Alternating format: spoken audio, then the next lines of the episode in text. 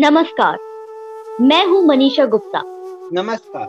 मैं हूँ यश अग्रवाल। रघुपति राघव राजा राम पतित पावन सीताराम नमस्कार मैं पुलकित और आप सुन रहे हैं दिलचस्प कहानी। दोस्तों आज के दिन ही हमारे देश की माटी से एक नहीं दो भारत रत्न जन्मे थे। दो अक्टूबर को देश में हुआ था कमाल जब जन्मे महात्मा और प्यारे लाल।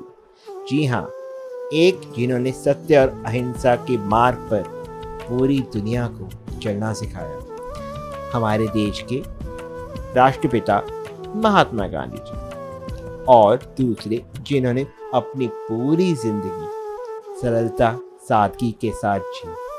सही मायने में सदा जीवन उच्च विचार हमारे देश के दूसरे प्रधानमंत्री श्री लाल बहादुर शास्त्री जी। दोस्तों, आज हम आपको इन दोनों महान हस्ती की कुछ अनसुनी, दिलचस्प कहानियाँ सुनाने जा रहे हैं। आइए सुनते हैं गांधी जी से जुड़ी कुछ खास बातें। क्या आप जानते हैं, बचपन में अपने बापू पढ़ाई में बहुत ही कमज़ोर थे, लेकिन उन्हें पुस्तक पढ़ने का बहुत ही शौक था। एक बार महात्मा गांधी जी को एक ऐसी पुस्तक मिली जिसमें श्रवण कुमार और उनके माता पिता की सेवा की कहानी थी।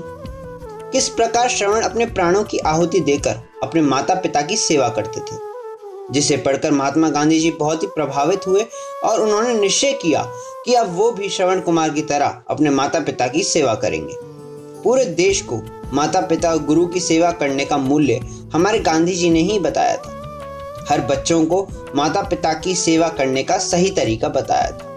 एक और प्रसंग है गांधी जी के बचपन का, कि अन्य बालकों की तरह महात्मा गांधी भी बचपन में बहुत ही डरपोक स्वभाव के थे, कि रात के अंधेरे में अपने घर में भी जाने से डरते थे। और अगर उन्हें भूत प्रेत की कहानियाँ सुना दी जाती थी, तब तो गांधी जी बहुत ही भयभीत हो जाते थे। ऐसा सब देखकर उनके घर में काम करने वाली रंभा ने समझाया कि जब भी तुम्हें डर लगे तो राम का नाम ले लेना, सब डर भाग जाएगा। इस तरह गांधी जी बचपन से अपनी जबान पर राम का नाम रटने लगे और अपने डर को दूर किया। और राम के नाम से इतना प्रेम हो गया था कि अपने मरने के आखिरी क्षण में भी उनका आखिरी शब्द राम ही था। और राम नाम लेते लेते 30 जनवरी को वो हम सबको अकेला छोड़कर चले गए। 1917 1946 तक महात्मा गांधी जी ने कई बड़े आंदोलन किए और भारत के लिए कल तैयार करके गए।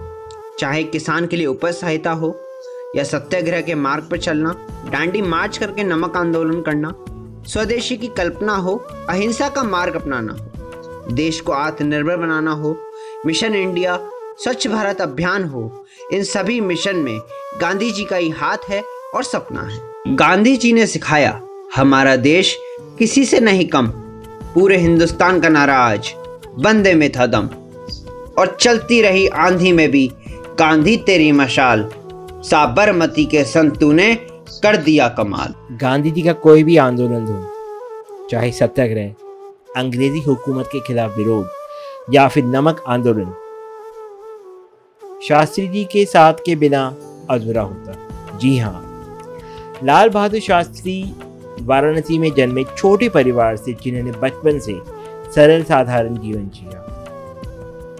तीन साल की उम्र में ही शास्त्री जी के पिता चल बसे थे। घर की सारी जिम्मेवारी शास्त्री जी और उनकी माता श्री निभाती थी। शास्त्री जी घर में सबसे छोटे थे, इसलिए उन्हें प्यार से नन्हे भी बुलाया जाता था। और कई बार प्यारे लाल भी पुकारा जाता था। शास्त्री जी का विद्यालय उनके घर से छः किलोमीटर की दूरी पर था, जिसमें से करीब दो किलोमीटर की नदी थी। जिसे वे रोज तैरते हुए पार करते थे। एक दिन नाव वाले ने बोला, अरे बच्चे, तुम तैरते हुए क्यों जाते हो? आओ, मेरी नाव में बैठ जाओ, मैं तुम्हें ले चलता हूँ। तभी शास्त्री जी ने बोला कि मेरी माँ के पास दो आने भी नहीं हैं। अब ये हर रोज तुम्हें मैं कैसे दे सकता हूँ? संघर्ष के साथ बचपन बीता। और जवानी? वह उन्होंने देश के नाम कर दी थी 9 जून 1964 को लाल बहादुर शास्त्री जी को देश की सेवा करने का मौका मिला। तीस से अधिक वर्षों तक अपनी संप्रीत सेवा के दौरान लाल बहादुर शास्त्री जी ने अपनी उदारता, निष्ठा एवं क्षमता के लिए लोगों के बीच प्रसिद्ध हो गए। एक दिन यूएसए के राष्ट्रपति शास्त्री जी से मिलने आए।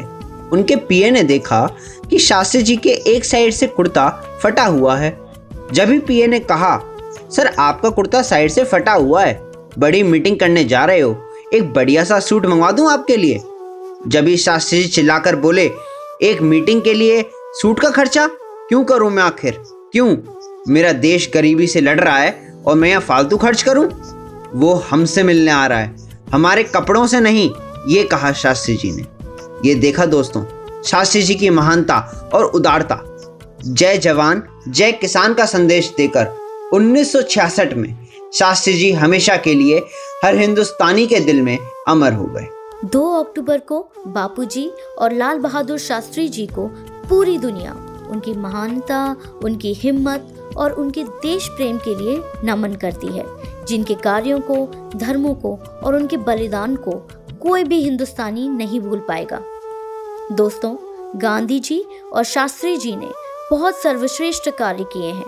उनसे जुड़ी और बहुत सी कहानियाँ हैं, जिनको एक ही बार में शब्दों में उतारना कठिन है। गांधी जी और शास्त्री जी की ऐसी कहानियाँ सुनते रहें, अपने अंदर देश प्रेम की भावना जगाते रहें। और मुझे यकीन है, दिलचस्प कहानियाँ तो आप सुनते ही रहेंगे। धन्यवाद। एक साथ मेरे साथ बोलिए, भारत माता की जय। वंदे मातरम।